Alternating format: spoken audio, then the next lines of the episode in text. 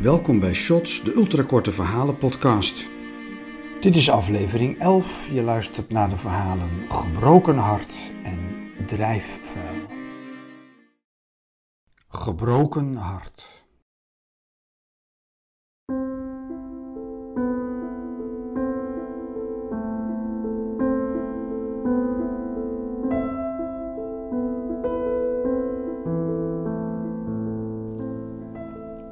Eén keer per dag sterft Mercedes aan een gebroken hart. Ja, ze is nu eenmaal warmbloedig. Haar kamers kloppen als een gek om die stomende sangria rond te pompen.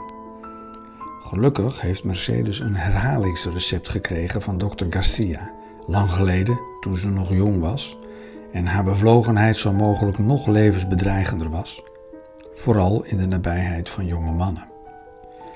Haar eerste dood betrof ooit een beginnende matador en de toegesnelde arts kon haar ter nauwernood er doorheen slepen. De matador was zich uiteraard wild geschrokken, wilder van Mercedes dan van de stier van de dag.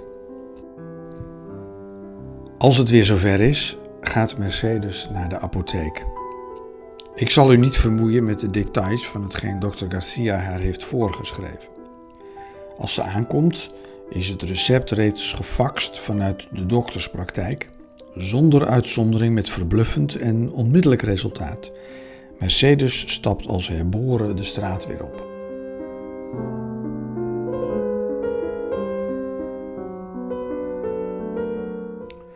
Alleen op zondag is het een beetje gedoe. Haar eigen apotheek is dan gesloten, zodat Mercedes naar de apotheek van de Turk moet op de Calle de Quirico. Daar is geen fax en vangt een geweldige ruzie aan, die doorgaans eindigt in mond-op-mond door de zoon van de Turk. Wat Mercedes betreft is dat naar tevredenheid. De zoon hangt het langzamerhand echter de keel uit. En aan de Calle de Quirico begint men al helemaal tegen de zondagen op te zien, met al dat geschreeuw, glasgerinkel, tongzoenen en bijna doodervaringen. Er zijn zelfs al mensen die het over sluiting van de Formatia van de Turk hebben. Maar dat heeft u niet van mij.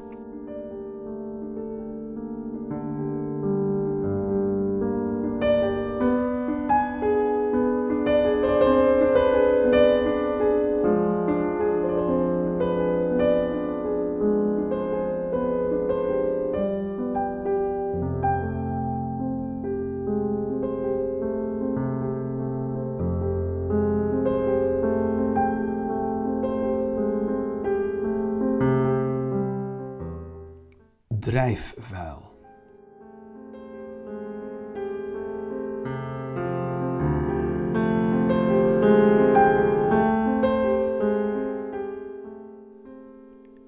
Ze merkten alleen iets van de wereld als er een westenwind stond, die minstens een week aanhield.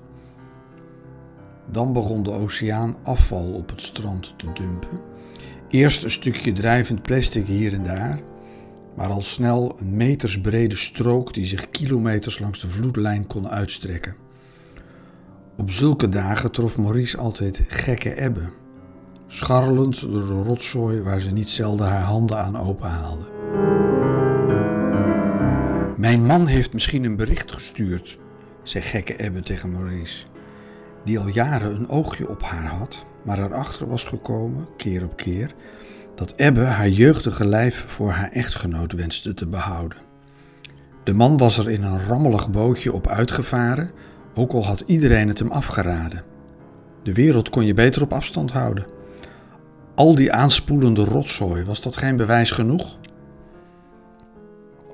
Als Ebbe zich weer eens had geprikt aan een van de ontelbare in het drijfvuil verborgen injectienaalden en ziek werd, trok Maurice bij haar in tot ze weer beter was. Je bent dokter of je bent het niet, zei hij dan. Ebbe zei dan stevast, dokter geweest, maar gaf hem als bedankje toch een kusje.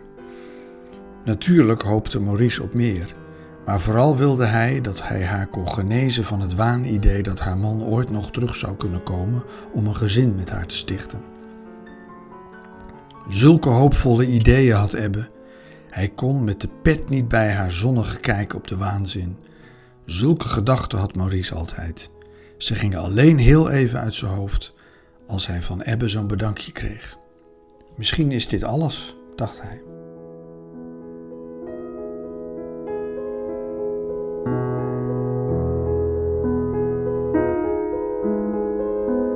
Deze verhalen werden geschreven en verteld door M.H. Vesseur. De muziek, de etude voor piano, opus 39 nummer 2 in A mineur van Sergei Rachmaninov, werd speciaal voor deze podcastserie gespeeld en geproduceerd door Jeroen van Veen. In de volgende Shots podcast weer twee ultrakorte verhalen. Abonneer je nu